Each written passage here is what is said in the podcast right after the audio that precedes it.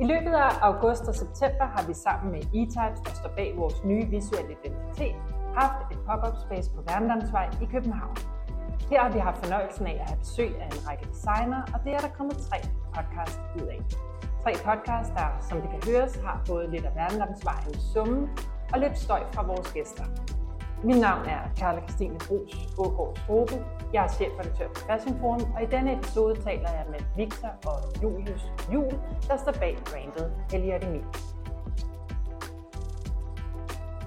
Velkommen til jer, Victor og Julius Jul. Vi skal måske lige starte med at sætte rammen omkring jeres virksomhed, så alle er med. I er brødre.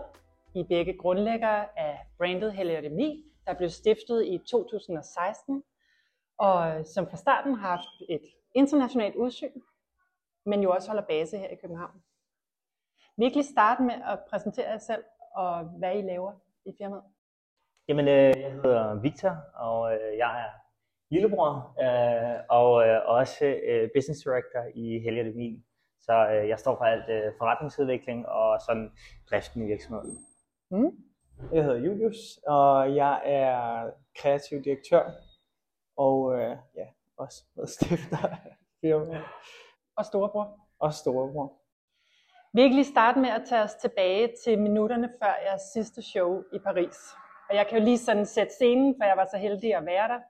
Jeg er som sagt i Paris i starten af marts sidste år på første, måske anden salen af en bygning, der er fuldstændig skrællet ind til benet. Det er beton, jern, det er meget råt. Der er til knoglerne koldt i lokalet og alle er klædt i sort, fordi det har I meget modigt simpelthen valgt øh, at sætte en dresscode øh, for gæsterne. Og rundt imellem publikum, der løber der en robothund. Sådan en kælen type.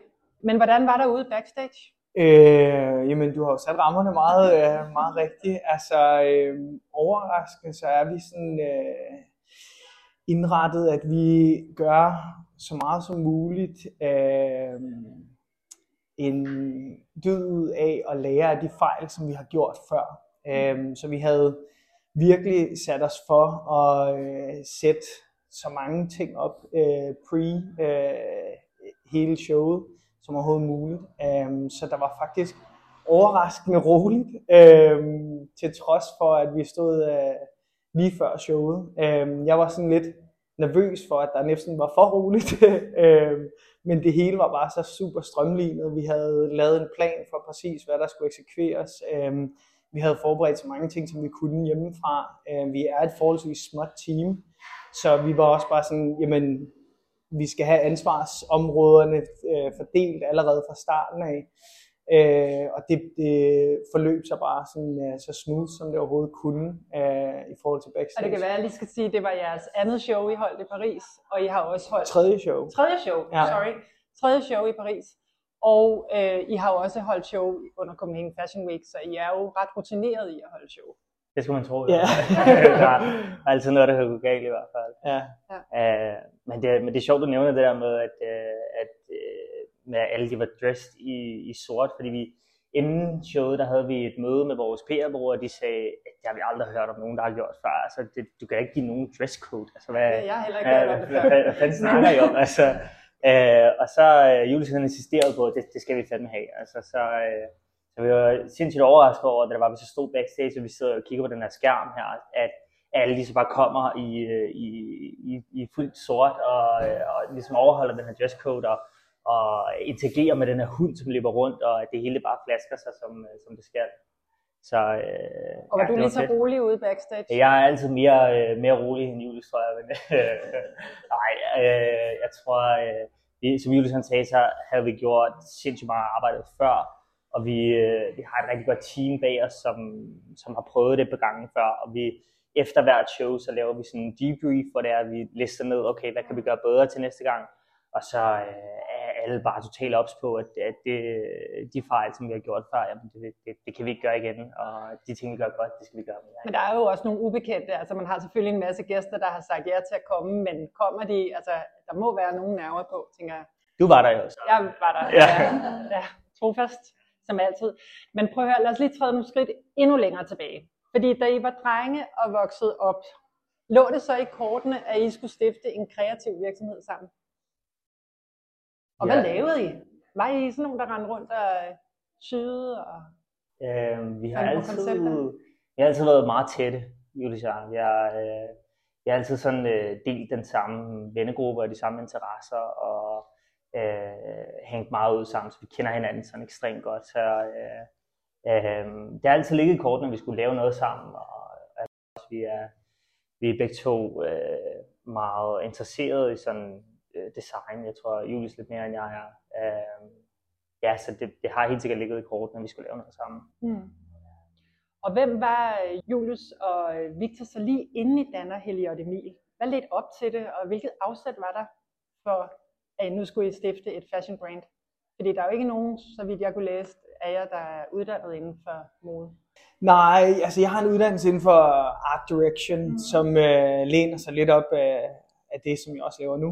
Øh, som ligesom ideen om at skabe et univers omkring øh, ja, et, et brand, eller øh, skabe en historie, og skabe noget, øh, sådan, noget, der breder sig mere end bare øh, et produkt. Øh, og det, det føler jeg også er meget sådan det, som vi gør nu, og prøver at gøre nu øh, med Helen Min. Øh, og så før det, så arbejdede jeg for andre øh, fashion brands, øh, og øh, for ja, nogle andre øh, virksomheder og sådan noget øh, med det. Og så sideløbende havde vi sådan lidt en idé om at skabe det her projekt, øh, men vi vidste ikke præcis, hvad det skulle ende ud i. Øh, men, øh, men det var sådan, det lå lidt til højre benet, at det skulle være noget, som var inden for fashion, i og med, at det var også noget af det, jeg lavede før. Men en ting er at være god til at skabe et koncept og have en, en stil og en grafisk sans. Noget andet er jo også at få produceret og designet en tøjkollektion. Hvor, hvor var læringskurven stylist? Altså hvad har I, I må have skulle suge nogle kompetencer til jer?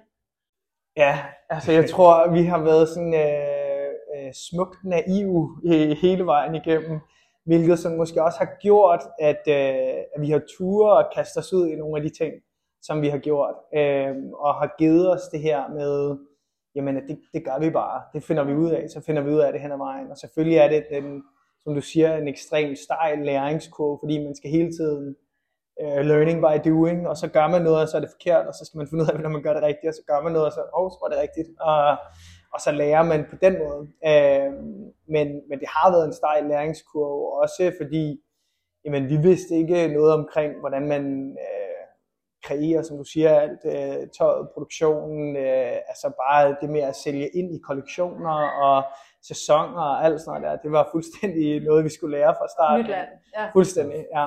Øhm, så det har været en, en meget stejl læringskurve. Men jeg tror også, at det har været på en eller anden måde øh, vigtigt, at vi har været naive øh, nok til at hure på at kaste os ud i det. Fordi jeg tror, at der er mange, når de lærer om alle de mm. øh, altså falsetter, der ligesom er i, i sådan en... Øh, algoritme, så bliver man sådan lidt overvældet og tænker, det kommer aldrig til at gå overskue alt det her. Øhm, og, og så tror jeg, at der er mange, der sådan taber modet. Øh, hvorimod, hvis du kaster dig ud i noget, og så langsomt lærer det hen ad vejen, og finder ud af, hvad, hvad du kan, og hvad du ikke kan, og hvad du skal bruge folk til og sådan noget, så har du lidt mere sådan en, en, en udviklende fase i det. Og det tager selvfølgelig længere tid, og det gør så også, at øh, man ender ud i nogle situationer, hvor man sådan tænker, hvad fanden, øh, hvordan endte jeg her? Øh, men det har jo også været en, en sjov rejse at lære det hele vejen igennem. Jeg tror, vi har begge to ekstremt meget at gå på mod, og virkelig, ja, vi tænker også meget øh, intuitivt og, og meget logisk tænkende, så jeg tror mange af de ting, hvor jeg så tænker tilbage til, hvordan vi gjorde det til at starte med, uden at vide noget om det, så er det stadig mere eller mindre det samme, vi gør den dag i dag med eksperter, som har måske 20 års erfaring. Så det er sjovt det her med, at at bare fordi der er et fancy ord for, hvordan du gør det, øh, så er det ikke nødvendigvis sådan noget, der er rigtigt eller forkert. Du skal bare tænke logisk i forhold til, ja. hvordan man udvikler et produkt, eller hvordan du sælger ind til en butik, eller hvad det nu er. Jamen altså, fordi at vi, vi gjorde det jo bare, som vi troede, man skulle gøre det, og vi tog bare telefonen og ringede til butikkerne, eller øh, sendte en mail, og, og, og så hvis det var, at de ikke svarede, jamen, så fyldte vi op igen og igen og igen, og, og det er virkelig sådan den her gå på måde, den her øh, naive tilgang til, at, at, at at det er fucking nice, som man laver. Altså, at, øh, det, det, det tror jeg, at... Man kan kalde det naivt, men der er også sådan noget ungdommens hårdmod, at Ja, man ja. bare tænker, det kan vi. Ja.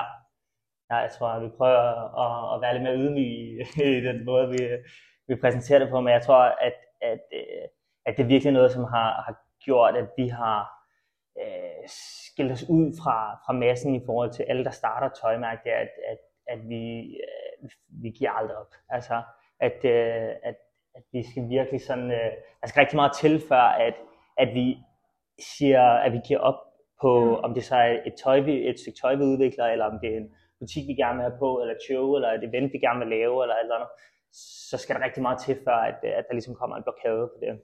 Hmm. Men I valgte jo også, kan man sige, at sætte barn meget højt og, og have et internationalt udsyn lige fra starten.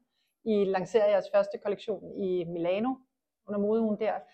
Havde I allerede på det tidspunkt en klar strategi om, at I skulle ud over Danmarks grænserne, og det her det skulle lanceres? Ja, det havde vi 100%. Altså, det, det er der ikke nogen tvivl om. Øh, Jeg boede jo så også i New York på daværende tidspunkt, så, og, og var jo sådan ligesom, altså jeg boede der siden jeg var 20 år, så det var sådan, øh, det var meget det mindset, jeg havde tilegnet mig på en eller anden måde, og, og som Victor siger, så har man så måske i Danmark en meget ydmyg tilgang til det, hvorimod øh, i USA og specifikt i New York, der er det meget skarpe albuer, der skal man, der skal man vise, hvad man kan noget, som de andre ikke kan, og man skal gerne også tale sig selv lidt op, mere end hvad, hvad man gør herhjemme, og måske endda overdrive det, som man underdriver her.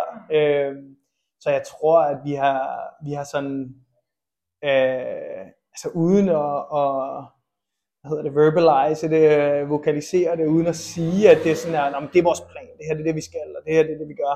Så var det bare sådan, jamen altså selvfølgelig skal det være større end Danmark. Ja. Altså sådan, der er ikke nogen tvivl om, at det skal være et, et, et stort, øh, altså sådan noget, som, som alle folk kan blive en del af over hele verden, øh, og som kan, som kan sprede sig ud over de geografiske grænser. Øh, så det har vi haft en meget sådan, en klar, men uskrevet øh, vision om til at starte med. Mhm. Eller fra starten. Så det, man kan sige, det måske også har givet noget meget godt at have de der lidt spidse albuer øh, med fra starten. Ja, det tror jeg, altså og tilbage også til det her med at, at, at kaste sig ud i ting, som du siger også, det her med at, at have på mod og, og nok øh, øh, selvtillid til, at man, at man tror, at man kan noget bedre end nogle andre, som har brugt længere tid på det, end du har. Øh, så det kræver det bare. Altså det kræver øh, ekstremt meget selvtillid og, og et stort ego at kaste sig Mm. ud i, øh, i ting, som er gjort tusind gange før, øh, og tro, at du kan gøre det bedre. Øh, det kræver bare meget ego. Altså det, det er der bare, øh, altså sådan, det, det er jo det er jo forkert at sige i Danmark på en eller anden måde, at sige, at man skal have ego for at kunne noget. Øh, men, men det giver bare en ekstra øh, altså sådan, øh, mulighed for ligesom Ja. at, at ture og tro på, at, at det du gør er godt nok. Øh, Ja. Det kan jo sagtens være, at der er nogen derude, der har et ekstremt, altså et ekstremt godt produkt, men hvis de ikke øh, kan komme ud med det, og hvis de ikke kan fortælle det, og hvis de ikke kan, øh, kan vise det til folk, så, så ender det jo desværre bare med at, at måske at, at blive så, så småt, som, som deres øh, ego er. Så det jeg også hører jer sige, det er hele forståelsen af, hvordan man iscenesætter et brand, er ekstremt vigtigt. Jeg tror mere, det er sådan en, øh, en, en blanding imellem, at vi sådan er meget rebelske i den tilgang, vi har til det. Øh, samtidig med, at vi her sådan, er vi meget obsessed med øh, frontlinjen for alt, så det er meget vigtigt for os, hvordan hele universet er, hvordan vi bliver øh, sådan, øh, forstået af kunden, hvordan de øh, opfatter produktet, hvordan de ser det ude i butikken, er, altså vi er sindssygt obsessed omkring, øh, omkring det, samtidig med, at vi så gerne vil gøre det anderledes end alle andre. Øhm, så det er, sådan, det, det er den blanding mellem de to ting, der jeg, jeg tror, vi gør rigtig godt. Ja, og så tror jeg også, bare lige for at tilføje til det, at, at du siger, at man skal ligesom opbygge hele verden omkring det også. Øh, det tror jeg, der er noget, noget ekstremt øh, rigtigt i, i den måde, man skal se et brand på i dag. Øh, Virgil, han øh, sagde det meget sådan simpelt, at øh, hvis du har et lys, så kan du bruge rigtig lang tid på at designe lyset, eller så kan du bruge rigtig lang tid på at designe øh, de omkringliggende omstændigheder for lyset. Mm. Og, så kan, og så kan det blive set på to forskellige måder. Øh, og det tror jeg er den måde, man ser moderne brains på i dag. Og der er mange, der måske ikke vil indrømme, eller vil, vil sådan uh, tillægge hele deres opbygning omkring det så meget værdi som selve produktet, at de siger, jamen altså produktet er hovedstjernen, men når du ser på alle de største brands i dag, så er det opbygningen omkring det. Altså er det, altså når du ser på Apple, når du ser på Tesla, alle de her ting, så det er ikke så meget produktet, det er opbygningen omkring, hvad produktet repræsenterer, og hvad det er, og øh, den måde, som hele oplevelsen øh, det er at interagere med produktet. Og det tror jeg, det er den måde, man, man ser produkter på i dag. Til trods for, at der er mange, der stadigvæk siger, at de ser produktet kun, så tror jeg, at de tillægger meget værdi til de omkringliggende omstændigheder også, uden måske at vil indrømme det eller vide det. Men når alt kommer til alt, så skal produktet jo også være i orden, og det er det jo heldigvis også hos jer. Tak. Øhm, bestemt.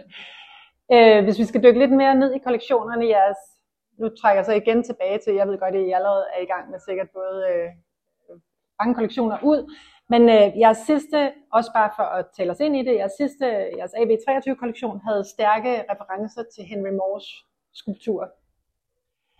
Hvordan er afsættet til en ny kollektion? Hvor, er det, hvor starter I? Hvad er der på moodboard og diverse?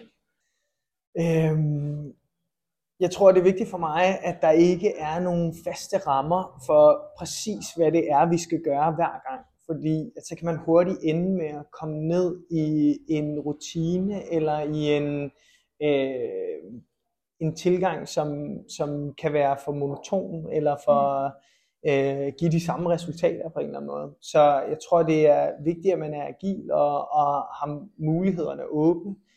Øh, og måden vi gør det på, det er ved at mens der er kollektioner, som er ude og sådan noget, så bruger vi rigtig meget tid på at researche omkring, hvilke innovationer der er ude i øh, markedet, hvilke øh, fabric innovations, hvilke sustainable innovations, hvilke øh, muligheder der er for nye manufacturer, for nye produkter, for inter, altså alle mulige forskellige ting. Vi bruger rigtig lang tid på det.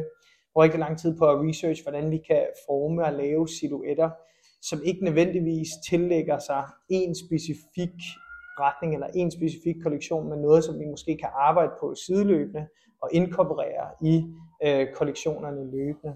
Øh, så der er ikke nødvendigvis en øh, fastlagt ramme for, at når man, nu bruger vi to uger på at researche et præcist øh, emne. Øh, det plejer at være sådan, at, øh, at jeg giver en, en brief til, til teamet, øh, som handler om, hvad jeg synes er spændende lige nu. Mm. Og på det tidspunkt, der havde jeg set rigtig meget på de her skulpturer øh, fra Henrik Moore. Og jeg synes specifikt, at det var den her meget sådan øh, en abstrakt tilgang til, hvad silhuetten for et, øh, for et menneske er. Øh, og han har lavet de her skulpturer, som sådan strækker sig over øh, mange forskellige leder og kanter og sådan noget. Og hvis du ser dem fra en vinkel, så så ser benene helt vildt lange ud, og hvis du ser dem fra en anden vinkel, så ser armene vildt lange ud, og, og det var bare sådan spændende at se, hvordan kan man inkorporere det i en kollektion, kan man lave noget, hvor ja, man, man, øh, man fucker lidt med silhuetterne, og man laver nogle øh, proportioner, som øh, får det til at se spændende ud og mere interessant, øh, og så inkorporere den tilgang til innovation, som vi har, øh, mm kigge på, hvad for nogle materialer man bruger, og bruge nogle øh, interessante, øh, abstrakte, anderledes materialer. Vi brugte et, øh, et materiale, som var sådan en læder, som var bagget med aluminium, så man kunne forme det øh, ligesom sølvpapiragtigt, øh, og så kunne det sådan stå af sig selv. Så man kunne sådan stille jakken op bare på gulvet, og så ville den stå sådan helt af sig selv. Og det er jo meget sådan skulpturelt og interessant, øh, og den kunne vi jo så inkorporere i det øh, tema omkring øh, Henrik Moore og det her med at, at kreere en skulptur. Øh, ja, så bare lige tilbage til spørgsmålet, så er der ikke nogen fast tilgang til præcis, hvordan, øh, hvordan en kollektion den former. Men I er jo også meget sådan, det skriver I i hvert fald selv, at I har et meget design, eller I skriver ikke, at I har et stramt designsprog, det er mig, der tillægger jer det, men det bygger jo også på arkitekten Louis Sullivans Form Follow Functions, altså form følger funktion. Så det der med at, at finde ud af materialerne først, er det det, der ligesom også er med til at inspirere, hvordan produktet endeligt kommer til at se ud? Øh, det er det givetvis, ja. Øh, vi har en sådan en konstant øh, tema, som hedder Industrial Elegance, øh, som ligesom går så i at finde balancen imellem noget, der er industrielt og noget, der er elegant. Øh, og typisk så er det sådan, at det, som er industrielt, det vil ikke blive set som noget, der er elegant, og det, som er elegant, vil ikke blive set som noget, der er industrielt.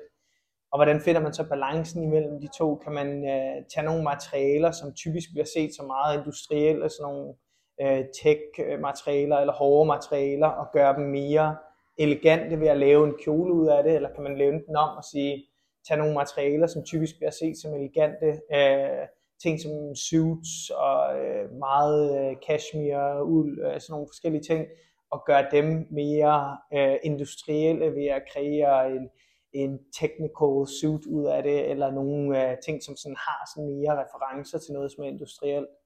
Så den balance er hele tiden sådan en, en konstant øh, rejse, som vi prøver at, at eksperimentere med øh, i, i designudtrykket.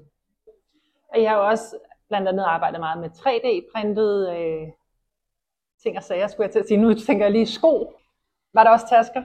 Der har været tasker og kjoler og ja. øh, smykker. smykker og ja. sko. Ja. Men kan I prøve, fordi jeg har også stødt på nogle andre ret sjove, sådan, øh, innovative materialer eller teknologier, I har arbejdet med. Kan I prøve sådan at øh, lige fortælle nogle af de sjoveste, mest spændende, innovative materialer, I har brugt? Øh, altså helt tilbage fra starten, så øh, ja, der har været rigtig mange forskellige. Vi har lavet øh, øh, materialer, hvor at de var helt sorte, og så når der kom vand på, så, så var der et, øh, et print inde i øh, vandet. Øh, og hele den kollektion, den var inspireret af noget, der hed, eller temaet hed øh, 311 fps, øh, 311 frames per second, øh, og det gik så på, at øh, det er øh, 310 er den, øh, den rekord for, øh, hvor menneskets øje kan se, øh, stadigvæk se et billede. Og så hvad sker der så i det 311. frame per second? Øh, det var en test, der blev lavet til piloter, øh, hvor de skulle se, hvad for et, øh, hvad for et fly, hvad for en model af det her fly, der ligesom blinkede det var.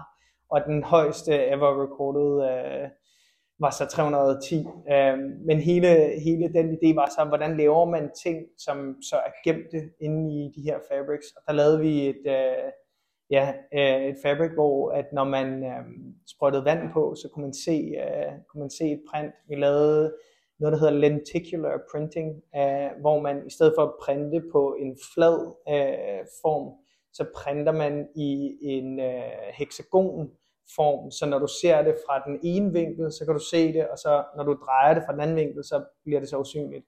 Okay. Uh, det kan være, at I ja. har set de der, hvis man uh, en musemåtte, hvor det er, man kigger fra den ene side, så bliver det noget... Så er der Mona Lisa, ja, og på den anden så, side. Så, så blinker hun til dig, eller et eller andet. Yes. Øhm, men det brugte vi så på, på et print, uh, og så siden har vi bare eksperimenteret rigtig meget. Øh, vi lavede et øh, fabric, som hedder, eller som vi har kaldt liquid metal, øh, som... øh, og øh, inspirationen var øh, en øh, serie, som hedder Torqued Ellipse, lavet af Richard Serra, øh, som er en øh, kanadisk-amerikansk kunstner. Øh, og øh, han havde lavet de her skulpturer, øh, som er sådan kæmpe bøjet stykker metal, hvor man kan gå øh, inden i dem, øh, og han gjorde det ved ligesom at ja, smelte de her kæmpe stykker metal øh, på et gammelt skibs øh, en skibsfabrik, øh, og så bøje de her stykker metal, og så prøvede vi sådan ligesom at, øh, at komme frem til, hvordan kunne vi lave et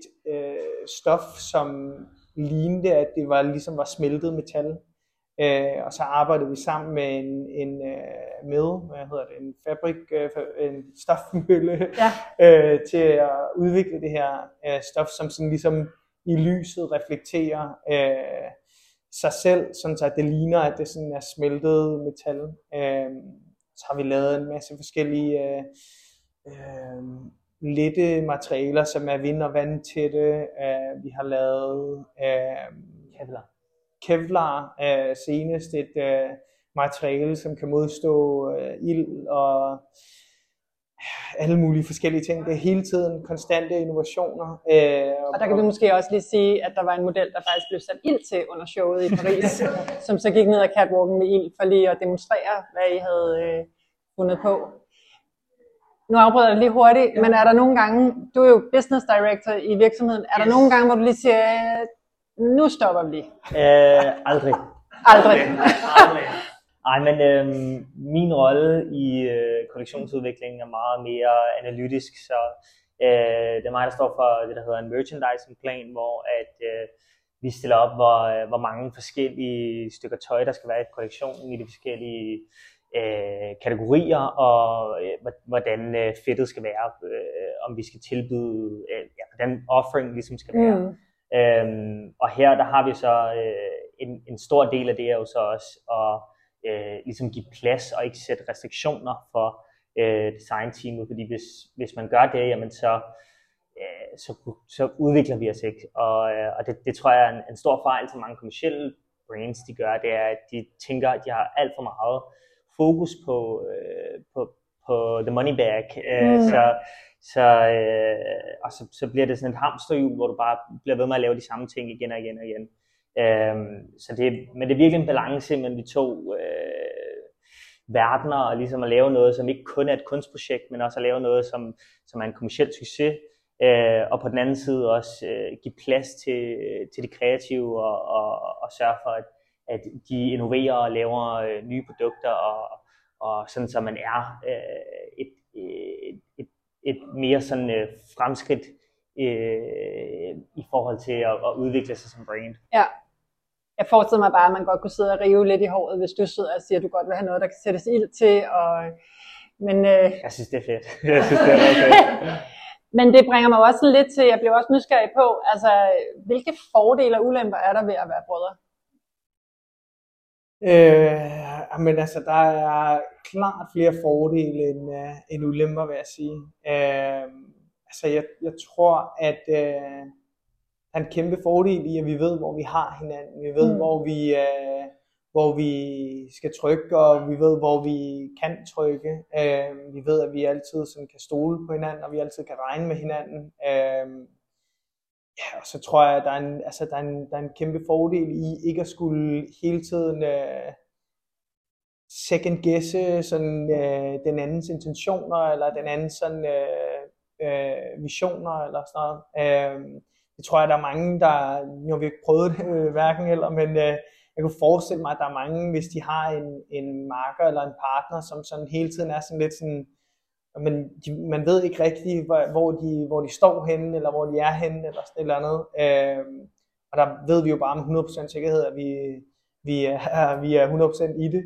øh, og det vil vi jo altid være, øh, på den ene eller den anden måde. Siger storebroren, jeg tror- og lillebroren, øh, Jeg så... tror, jeg tror vi, øh, vi, øh, vi, vi, vi kender hinanden så godt, så ofte så, så behøver vi ikke at sige noget.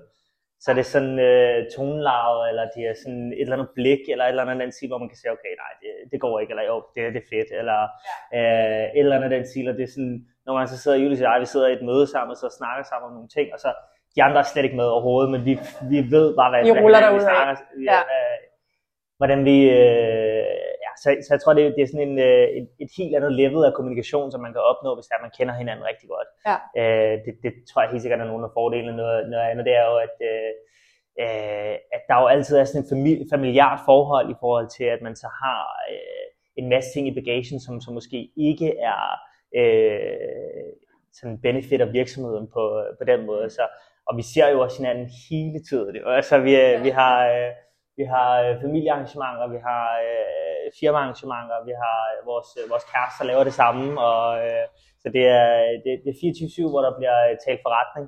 Og det tror jeg måske nogle gange også kan, øh, kan være lidt udfordrende for, at man så ikke har noget fritid, fordi så er du hele tiden på, yeah. på arbejde. Og det er jo både en, en fordel og en ulempe, men, øh, øh, men ja, det er i hvert fald øh, noget, som øh, en ting, man skal tænke på i forhold til, hvis man, øh, hvis man starter, stifter en, en virksomhed med, øh, med sin familie. Der er mange balancer, der skal findes. Ja. Både i firmaet, men også i privatliv. Altså, versus, be- bestyrelsesmødet bliver, bliver lavet nyt, øh, juleaften sammen med, sammen med resten af familien. Og, Ja, sådan noget. Det giver meget god mening. I er jo stadigvæk det, man godt kan kalde et nyere brand, men alligevel så har I jo faktisk syv års erfaring omkring det og, øh, og trække på. Hvornår har, har det været, altså hvornår har læringskurven været stejlest, eller hvornår har bumpene på vejen været størst? Det må have været nogen, selvom I bygger på, og I analyserer jeres shows og fejl og alt, hvad I gør. Jeg tror, vi rykker os hele tiden op i en ny kategori. Så altså, for tre år siden, der tror jeg, vi sammenlignede os med nogle andre, end dem vi, end, end dem, vi gør den dag i dag. Mm. Øhm, og nu går vi meget sådan fra at være en startup til at være en scale-up. Øhm, og jeg tror, at øh, nu er en kæmpe stor øh, stejl læringskurve, fordi at vi ligesom går fra, at vi er involveret i alting, til at øh, vi har andre mennesker, som skal kunne forstå virksomheden til punkt og prikke, og så skal kunne levere de samme resultater, som vi har skulle. Øhm, så hvad, hvad gør man så, når det er, at man øh, før i tiden har lavet måske 200 produkter, og nu laver 1000 produkter om året, og øh, hvad gør man, når, når man går fra at have fem medarbejdere, til man har øh, 20 medarbejdere. Så øh, det her med, at, at, at vi ikke simpelthen ikke har tid til at være en del af alle beslutninger, det tror jeg øh, øh, har været en af de, en af de stejleste. Ja, jeg, jeg vil sige det samme øh, umiddelbart. Altså det her med at, at indse og vide, at uh, når du skalerer en virksomhed, og når den uh, altså bliver større, så bliver det også meget, uh, handler det også meget om uh, altså det her med at involvere andre mennesker, og, hmm. og sørge for at kunne give dem videre, og, og være god til at, at inspirere, og at være god til at, at give videre og kunne, uh, kunne formidle og være, være en god leder. Og det er jo ikke noget af det, vi, uh, vi ligesom har, har signet op til. Altså sådan, øh... Nej, og det ved jeg, der er svært for mange. Det der med, at man pludselig også er leder, I pludselig er leder for, nu sagde du 20 mennesker, ikke? Øh, som jo også skal forstå jeres interne sprog og, og alt, hvad der bliver sagt mellem linjerne, og øh, jo også være, øh, I slår mig som nogle meget øh, detaljeorienterede øh, personer, så det, det forventer jeg, eller det tænker jeg også, at det, det forventer I, at jeres medarbejdere er på samme måde. Helt sikkert. Jeg tror, vi har, vi har gået igennem de sidste par år, vi har gået igennem en, en, en transformation, som hed, at, at man så var direktør, samtidig med, at man var pedel. Mm. Og, at det, og, det, og det, er bare, det er svært for alle virksomheder at gå igennem ja. den, men, men det her med at, og så at, øh, få virksomheden op på det næste niveau, mm. og, og få hyret den stab, som man har brug for, sådan så ja. at der er en klar struktur omkring, hvem er så pedel, og hvem er direktør, og hvem er, ja. øh, sådan så at det ikke er en person, der, der har alle hattene på, men, men så der er den her definition omkring, hvem der er hvem. Ja. Øh, og hvem har hvilke ansvarsområder, og sådan så at, øh, at man når ting til tiden, fordi når man er i det her mode jul, den her øh, fashion kalender, som bare er øh, hurtigere end nogen andre kalender øh, i nogen andre brancher, jamen, så bliver man nødt til at løbe rigtig stærkt, og man bliver nødt til at kunne regne med de mennesker, som skal levere det, som de skal levere. Øh, så det tror jeg har været, har været øh, ja, en udfordring for os, og, og, og øh, først at skulle øh, fare gulvet, og efterfølgende skulle tage øh, de, de største beslutninger på virksomheden. Ja, det giver meget god mening. Vi skal til at runde af, øhm, og her til sidst, så kunne jeg godt tænke mig at spørge jer ind til øh, de største opgaver, eller den største opgave, som ligger foran jer nu. I skal til at holde endnu et show i Paris, men vi er jo også midt i en tid, som er stadig præget af postpandemi og krig i Europa. Hvad, øh, hvad ligger foran jer lige nu? Ja, men altså, det, det er jo mange forskellige ting, fordi som Victor siger, så er vi jo midt i en periode, hvor det er, at vi både kigger øh, to måneder, tre måneder frem, som vi plejede at gøre, øh, men samtidig også tre til fem år frem. Øh, så vi står sådan ligesom over for den her øh, nye mulighed for ligesom at, at skalere op og gøre noget større end det vi gør. Øh, vi har lige åbnet vores første butik her i København, øh, og har planer om at åbne flere butikker rundt omkring i verden. Øh, og for at man kan gøre det, så skal man jo finde ud af, hvordan man ligger en, en vækststrategi øh, for det. Og samtidig så er der det her med, at jamen, der er show om øh, to måneder, øh, og det her show har jo ikke nødvendigvis et øh, impact på, hvordan vi klarer os om fem år, men samtidig så er det noget, som vi ligesom skal, øh, skal være med til at drive virksomheden det step videre. Øh, og det er meget mere at prøve ligesom at få, få ting ind i, øh, ind i nogle, øh, nogle systemer, som man kan stole på, og, og finde de rigtige mennesker, som skal være med på den her vækstrejse, og som skal være med til ligesom at tage øh, brandet til det næste niveau. Øh, så meget sådan nogle, sådan nogle ting, som vi står overfor nu. Øh, det lyder super senere og kedeligt, hvis det er, man hører det udefra, men, men det er bare sådan, øh, nu, nu begynder jeg at tænke sådan at, at spidse til, og vi skal finde ud af, sådan der, hvordan det er, vi, vi gør det så, så stort, øh, som vi gerne vil have det til at være, som vi har ambitionerne om, øh, samtidig med, at vi, vi bliver ved med at udvikle os på en, en uh, day-to-day uh, basis. Jamen jeg tror, hvis, hvis jeg kan tilføje noget, så er det det her med, at, øh, at vi, jo, vi er jo gået fra at, øh, at bare være UCI i, i vores forældres kælder. Øh, mm. Vi har, vi har vækstet mm. hele virksomheden organisk fra øh, omkring 3.000 euros, hvor vi investerede det i, i de første samples, som vi så tog til Milano, og så har vi bare reinvesteret den profit sæson efter sæson efter sæson. Mm. Vi har aldrig nogensinde fået øh, noget finansiel backing fra, fra nogen.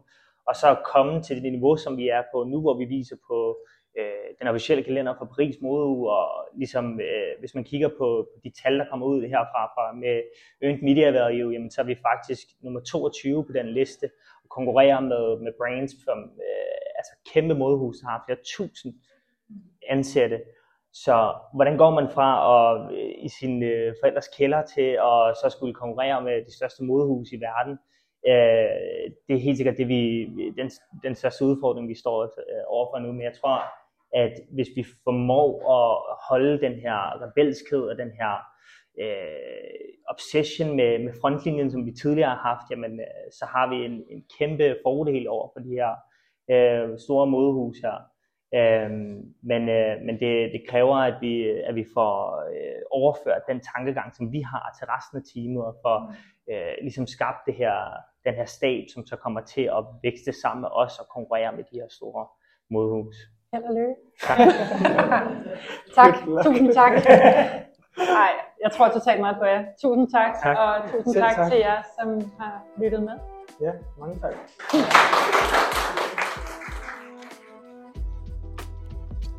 Det var alt for dette afsnit af Fashion Forum på Lyd. Tak fordi du lyttede med. Programmet var tilrettelagt og redigeret af Amalie Tejlte Ybel, og mit navn er Carla Ågaard Strobe. Kunne du lide, hvad du hørte, så tryk endelig abonner og subscribe, del det, rate det og hjælp os med at få det ud i verden.